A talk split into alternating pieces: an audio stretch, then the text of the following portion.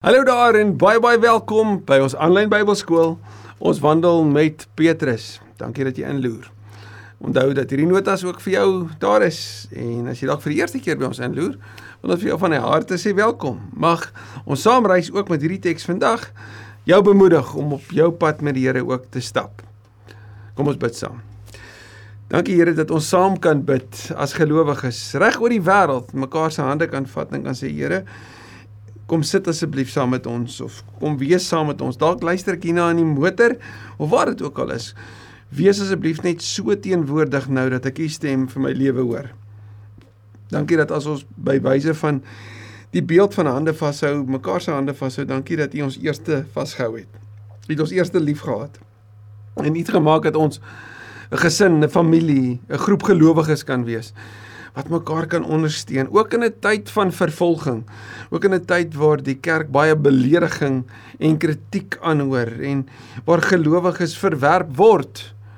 Dankie dat dat ons kan vashou aan die waarheid. Die evangelie van alle tye die beste nuus ooit. En veral aan u Here Jesus ons koning en ons Here. In Jesus se naam. Amen Verlede week het, het ons by Petrus 1 Petrus 4 stil gestaan by Petrus gehoor oor hoe moet gelowiges leef ten tye van lyding. Onthou jy, hy het gesê dat ons leef met hoop, 'n hoop wat vas is, wat wat seker is dat wanneer ons veroordeel word, wanneer oordeel oor ons uitgespreek word, wanneer die vervolging nou reeds hier by die by die huis van God uitbreek, daar altyd die perspektief van die ewigheid moet wees As die Here wil dat dat ons ly, dan moet ons onthou om steeds aan hom wat goed is vas te hou en om aan te hou om goed te doen. Want ons leef met hoop te midde van vervolging. Ons leef met 'n ewige perspektief. Ons leef met die feit dat die eindtyd kan enige oomblik of die einddag kan enige oomblik aanbreek. Die einde is naby. En omdat ons leef met daai perspektief, leef met die verwagting kom Jesus, soos Openbaring vir ons dan hoofstuk 22 sê, kan ons nou anders leef kan ons leef met met 'n fokus op dit wat regtig belangrik is. Kan ons vry wees van dit wat voorheen ons lewe geken het. Dit is verby, dit is deel van 'n vorige lewe. En en ons mag dalk as vreemd beleef word omdat ons nuwe gewoontes aangeleer het en nie leef maar is so noodsaaklik dat ons dit sal bly leef.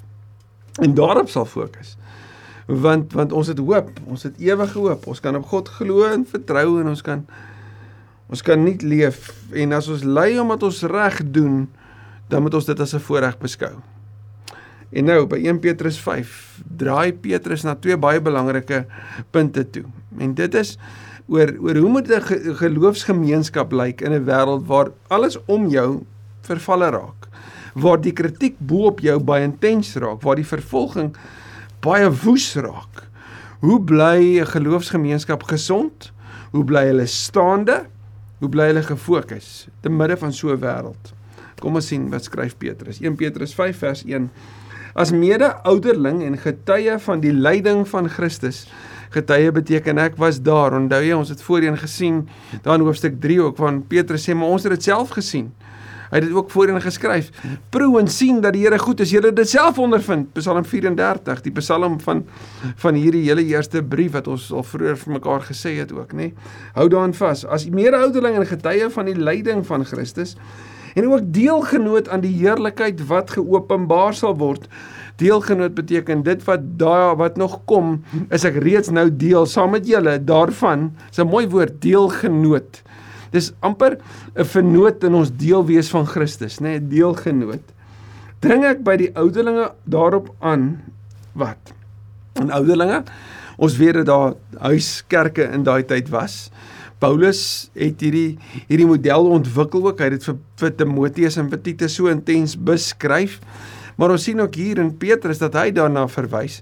En en dat en ons het dit al voorheen gesien ook dat leierskap of dat hiërargiese strukture God se manier is om in hierdie wêreld ook te sorg dat die wêreld dat die wêreld georden is, dat dat daar aan almal voorsien word, dat daar bepaalde vlakke van aanspreeklikheid is. Bo Jakobus sê dit self ook, nê? Nee? En en en die belangrike hiervan is dat hiërargie het nie te doen as ek sê hiërargie is dit funksionele hiërargie. Dit nie te doen met status nie. Maar die ouderlinge was die leiers gewees en wat moes die leiers doen? Hoofstuk 5 eh, vers 2. Pas die kudde van God wat aan julle toevertrou is goed op. Hou toesig oor hulle. Nie uit dwang nie, maar gewillig soos dit verwag word wat God julle verwag word. Want en nie om eie gewin nie, maar uit toegewydheid. Hou toesig oor hulle. Pas hulle op. So eerste belangrike ding vir 'n kerk binne 'n wêreld wat so vreemd en gevaarlik geraak het. Dit is belangrik vir die kerkleiers, vir die ouderlinge, vir hulle wat die wat die wat die voorreg het om ook so te dien as 'n as 'n presbiteros, as 'n ouderling, as 'n oudste om die kudde op te pas. Nou in die in die tyd van die Bybel ons skryf Larry Richards, L.O. Richards skryf hy dat dat weet herders het nie status gehad nie. Skaapwagters was nie mense wat wat faam en roem gehad het nie en tog tog was daar in die wêreld van die Midde-Ooste 'n siening geweest dat die dat die koning die herder was en dat die hudde eh, dat dat die die volk sy sy kudde was en dat die herder oor die kudde sou kyk. In die Bybelse wêreld sien ons dat die beeld van 'n herder en en, en kudde is 'n beeld van God se versorging, Psalm 23, maar dis ook 'n beeld wat Jesus gebruik, daar in Johannes 10. Nee, Jesus wat in die wat in die wêreld waar skape gebore is in die stad van Bethlehem is hy gebore en en Johannes sê dis die lam van God wat wat geslag gaan word wat wat sy lewe gaan gee. So dis 'n beeld wat baie bekend was veral vir die vir die Jode. Maar dis ook 'n beeld van Jesus in Johannes 10 kom sê maar wie hy is. Hy's die goeie herder wat sy lewe aflê vir sy skape. Sy skape wat hom ken, wat sy stem ken. Hy's die ingang, hy's die een wat sy lewe gee, nê? Nee? Hy's die goeie herder. Nou kom sê Petrus in ons navolging van Christus wat ons in hoofstuk 4 gesien het, is dan hoofstuk 5 ook hierdie funksie van van 'n herder wat omgee vir sy skape. Jy sou een van die gawes dan Efesiërs 5 wat Paulus gebruik vir om die kerk mee te beskryf, nê. Nee. Sou jy kon sê is die hierdie hierdie beeld van versorging en daar's verseker dit ook in die kerk. Maar maar hier kom sê Petrus dit uitdruklik vir die ouderlinge van die gemeentes. Kyk na hulle, pas hulle op want dis wat God van julle verwag, maar belangrik, nie uit dwang nie. Nie omdat jy geforseer is nie, maar omdat dit dit is wat God se roeping op jou lewe is om hulle te versorg, om toesig oor hulle te hou gewillig. Dis die gesindheid, daai steeds daai gesindheid van diensbaarheid, gewillig te wees, nê? Nee? Nie uit eie gewin nie, so nie uit eie voordeel nie, maar uit toegewydheid. Jy die verantwoordelikheid om nie net te oorsien nie, maar te versorg en op te daag. Ook nie deur baas te speel nie. Sien jy daai gesindheid van hipotasso van onderaf. So ouderlinge moenie baas speel nie. Ooh, hoeveel keer is daar nie uit die verlede oor van die oudstes in in die kerk vertel dat wanneer hulle naby kom dan het jou broek gebewe wanneer hulle vir jou sê dit sal so wees en klaar, het jy hulle nie teengegaan nie. Dis nie die gesindheid waarvan Petrus praat nie nie. Hy praat van hierdie hipotasso, hierdie plek van onderaf. Jy gaan nie oor hulle baas speel nie. Oor die wat God aan julle sorg toevertrou het nie. Maar hoe moet julle hulle dan lei? Hoe moet julle oor hulle toesig hou? Hoe moet julle hulle versorg? Hier is hier is die lyn. En en hierdie is dalk net vir al die oudstes, vir al die ouderlinge, vir al die presbiterooi, dalk vir al die leraars vandag ook is hierdie die belangrike sin wat ons herrens seker teen 'n spieël kan vassit of herrens in 'n op op die beeld weet op die op die agterste skerm van jou foon dalk kan bær sodat ons gereeld daarna kan kyk as dit jou verantwoordelikheid is. Hoor net hierdie. Maar deur 'n voorbeeld vir die kudde te wees. Anders gesê, walk the talk. As Paulus vir die gemeente in Filippi skryf oor om nie besorgd te wees nie en om 'n lewe van gebed te leef en dan hulle gedagtes te rig op op wat reg en goed en mooi en rein en waar en edel en prysenswaardig is, dan sê hy vir hulle en wat julle van my geleer en gehoor en gesien het, moet julle doen. In 1 Korintiërs 11 vers 1 sê Paulus: "Volg my voorbeeld soos wat ek die voorbeeld van Christus volg." Nou wonder ek, as ons dit sou sê vir die geloofsgemeenskap waarvan ons deel is. Sou jy kon sê, volg my voorbeeld? Maak soos ek maak. Moenie doen soos ek sê nie, want dit is gewoonlik ons om anders om doen, nê. Moenie maak soos ek maak nie, maak soos ek sê. Nee, die Bybel werk andersom. En hoekom? Want Jesus het presies dit kom wys. Hy het kom sê, kom maak soos ek maak. Kom leer by my, kom volg my voorbeeld. Want Paulus sê ek volg die voorbeeld van Christus, daarom volg my voorbeeld doen dit na. Vers 4.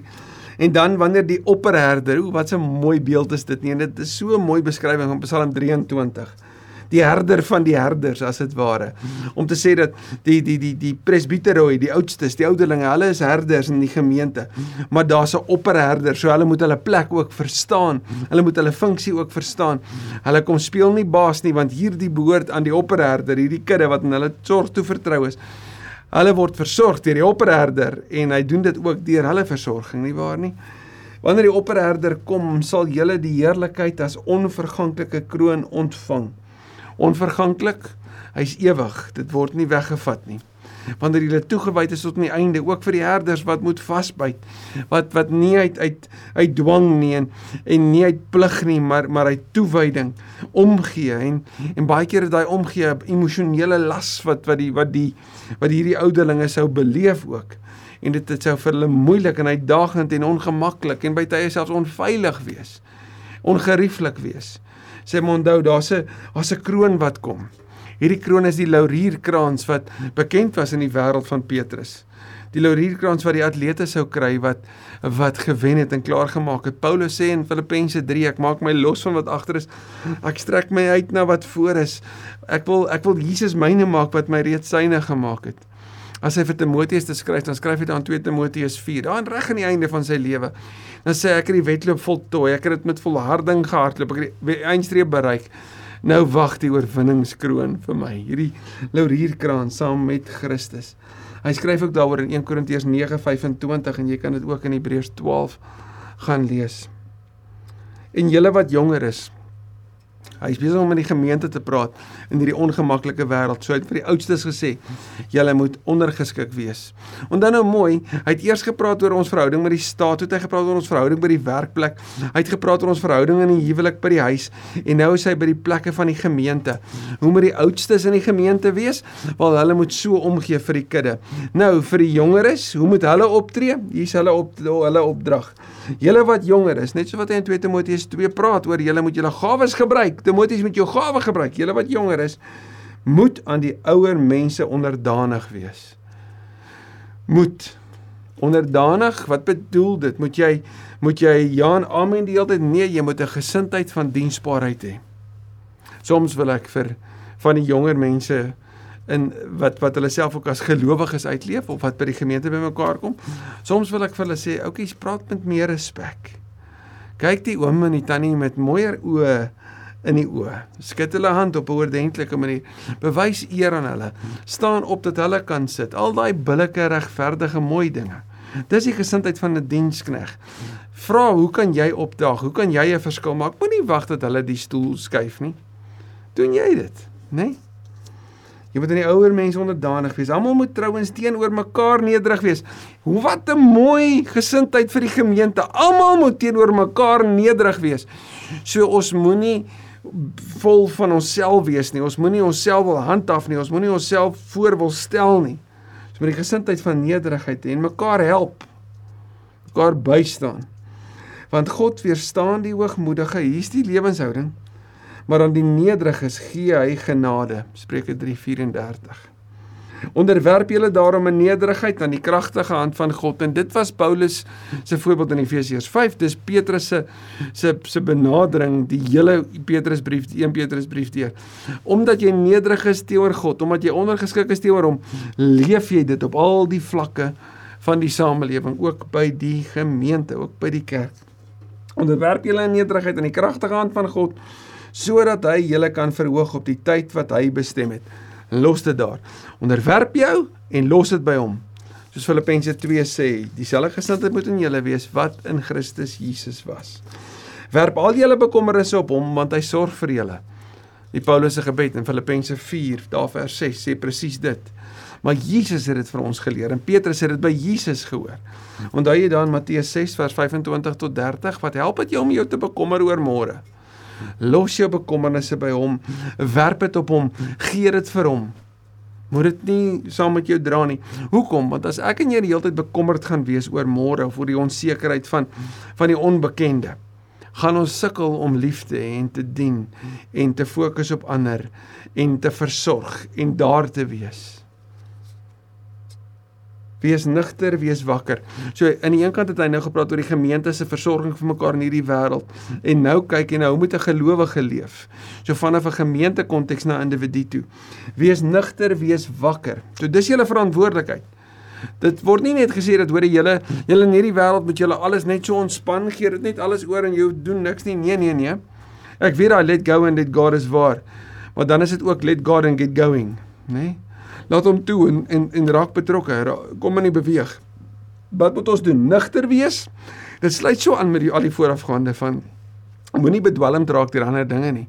Wees wakker. So wees nigter, wees wakker. Julle vyand die duiwel. Hoor mooi hoe word hy beskryf. Eerstens as 'n vyand. Hy is jou opponent. Hy staan teenoor jou. En as hy 'n vyand is, gaan hy homself verskuil, maar hy gaan jou aanval. Ek wil Johannes 10 beskryf hom as 'n dief wat steel, slag en uitroei. Dis hoe waarom hy daar is.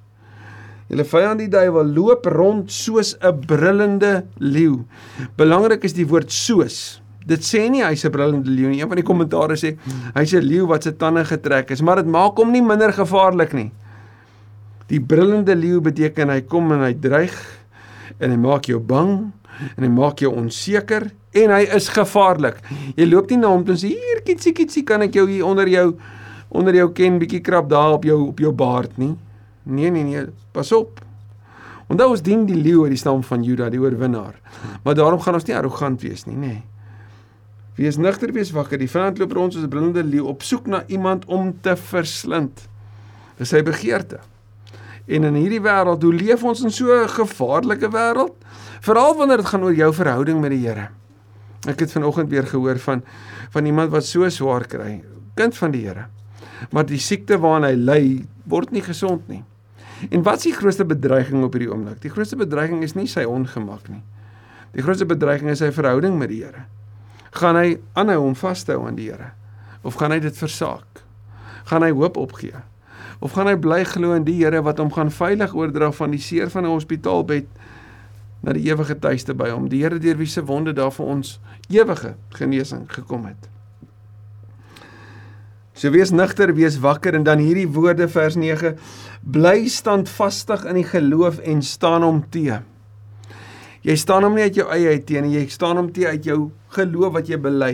En wat is geloof? Geloof sê ek vertrou nie op myself nie, ek vertrou op U soos wat uh, Petrus beskryf het rondom die doop, die doop wat kom sê ek vertrou nie op myself nie, ek vertrou op die bloed van Christus wat my skoon was.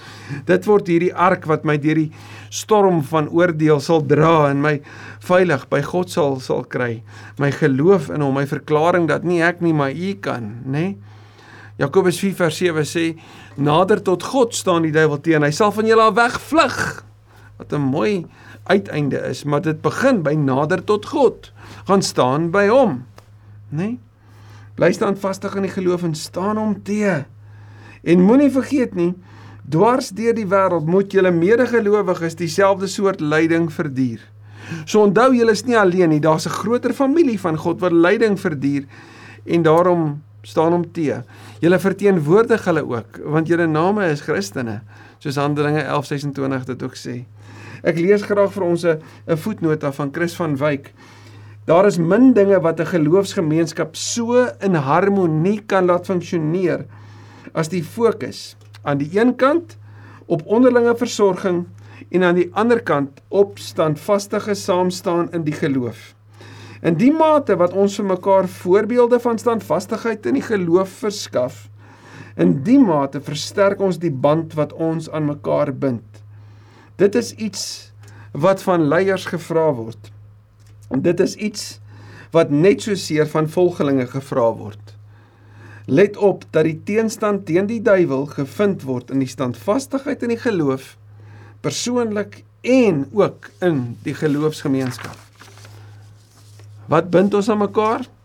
'n Geloofsgemeenskap wat sê ons het een selfde vyand. Ons staan hom saam te. Ons versorg mekaar en ons loop die reguit pad. Vers 10 God wat alle genade gee en wat julle geroep het om in Christus Jesus deel te hê aan sy ewige heerlikheid, sal julle nadat julle 'n kort tydjie gelei het, self weer oprig en julle moedig, sterk en standvastig maak. kort tydjie teenoor lang heerlikheid saam met hom. Vir die ongelowiges kort tydjie van oorheersing van waar jy dink jy wen teenoor ewige verwerping en wegwees en straf van God. Johannes 17 sê die ewige lewe is dat ons God kan ken en Jesus wat deur hom gestuur is. Ray Ortlund skryf dit so: The Christian life is never just our part. Real Christianity always begins with God, not with us. It is sustained by God, not by us. Our final, final triumph will be of God, not of us. God wat die genade gegee het. God wat julle bystaan nou is die Here wat julle uiteindelik standvastig by hom ook sal maak. Aan hom behoort die heerlikheid tot in ewigheid. Net soos Paulus dit geskryf het in Romeine 11, skryf Petrus dit hier.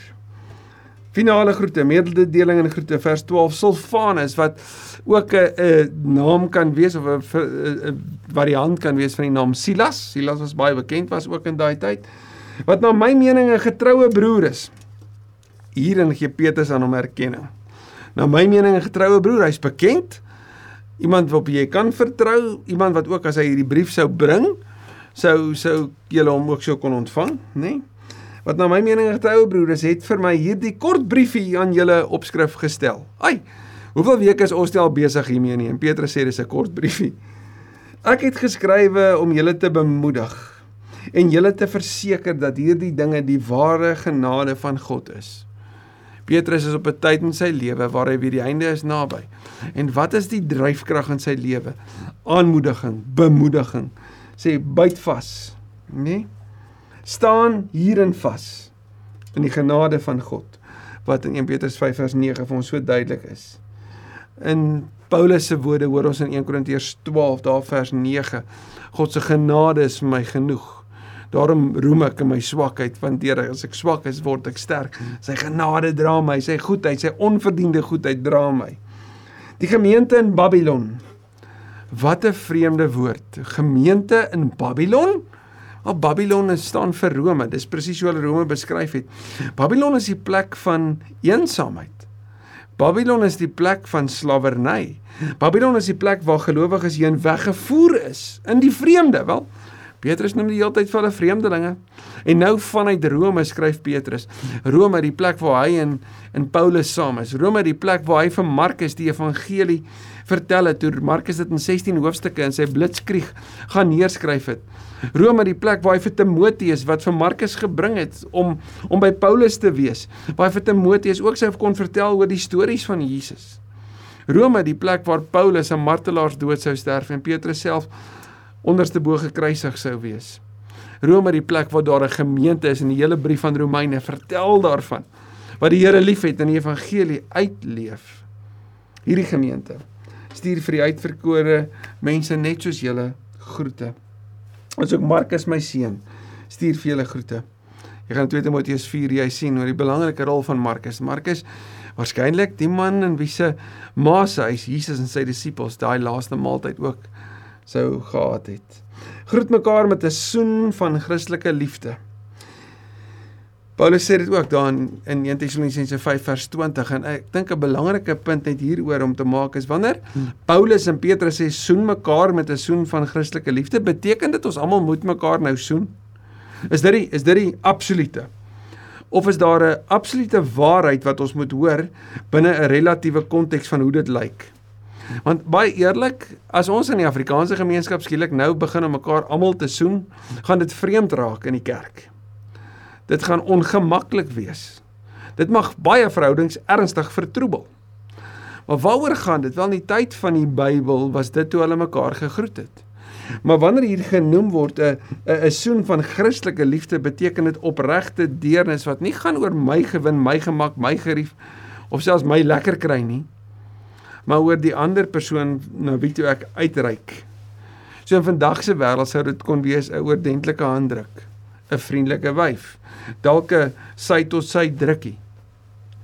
Oordentlike mooi welbedese groet. Né? Nee? Dit wat gepas is. Groet mekaar so. Vrede vir julle almal wat in Christus is. En waarmee sluit Petrus hierdie mooie brief af van bemoediging en aanmoediging met hierdie woord Irene wat dui op Shalom, God se soewereiniteit. In 'n wêreld waarin vrede alsbehalwe realiteit was in die lewe van die gelowiges. Veral van die vreemdelinge wat versprei was. Kom sê Paulus, maar daar's iets wat in jou lewe kan gebeur ongeag jou omstandighede. God se vrede, God se Shalom wat teenwoordig is. Ek weet nie waar jou lewe is vandag nie. Maar hoor asseblief die woord van die Here ook vir jou. Wees deel van 'n geloofsgemeenskap waar daar versorging is. Waar daar onderlinge omgee is, mededeelsaamheid, waar mense mekaar mooi en in Jesus liefde groet. Wees deel van God se roeping waarin hy sy wêreld stuur, sy kerk stuur na die wêreld toe om die goeie nuus te deel. Maar in jou eie wandel met die Here staan vas. Staan vas. Weerstaan die versoekings, weerstaan die duiwel. En as jy deur lyding gaan, laat dit jou louter in vorm. Gee oor aan die Here. Wie se wil vir jou beswil is en jou wil vorm om al hoe meer soos Jesus te wees. Wees nugter, wees wakker en mag die vrede by jou wees. Dankie Vader dat ons ook vanuit u woord die nodige aanmoediging vandag kry om vas te staan. Dankie vir die mooi van die verhoudings van die kerk. Die vroeë kerk wat van mekaar by tye verskil het, maar aanhou aangehou het om by mekaar te leer, mekaar te vorm. En al hoe meer soos Jesus te word. Dankie dat ons dit wat die skrywers ook van die Nuwe Testament neergepen het, ons dit in hulle lewe gesien het. Maar bo alles, hoe ons sien dat hulle almal se fokus altyd is soos Jesus, so jy. Here Jesus, daar was nog nooit iemand soos U nie en daar sal nooit iemand soos U wees nie. Dankie dat ons vandag aan U kan vashou. Aan U wat ons dra. Versorg. Vertroos. Inspireer, aanmoedig en stuur. Dankie dat U vir ons lief is. Mag ons lewe antwoord daarop wees in Jesus se naam. Amen. Ek hoop jy het 'n mooi week en ek hoop jy kom neem deel ook saam met ons in ons reis met die tweede brief van Petrus.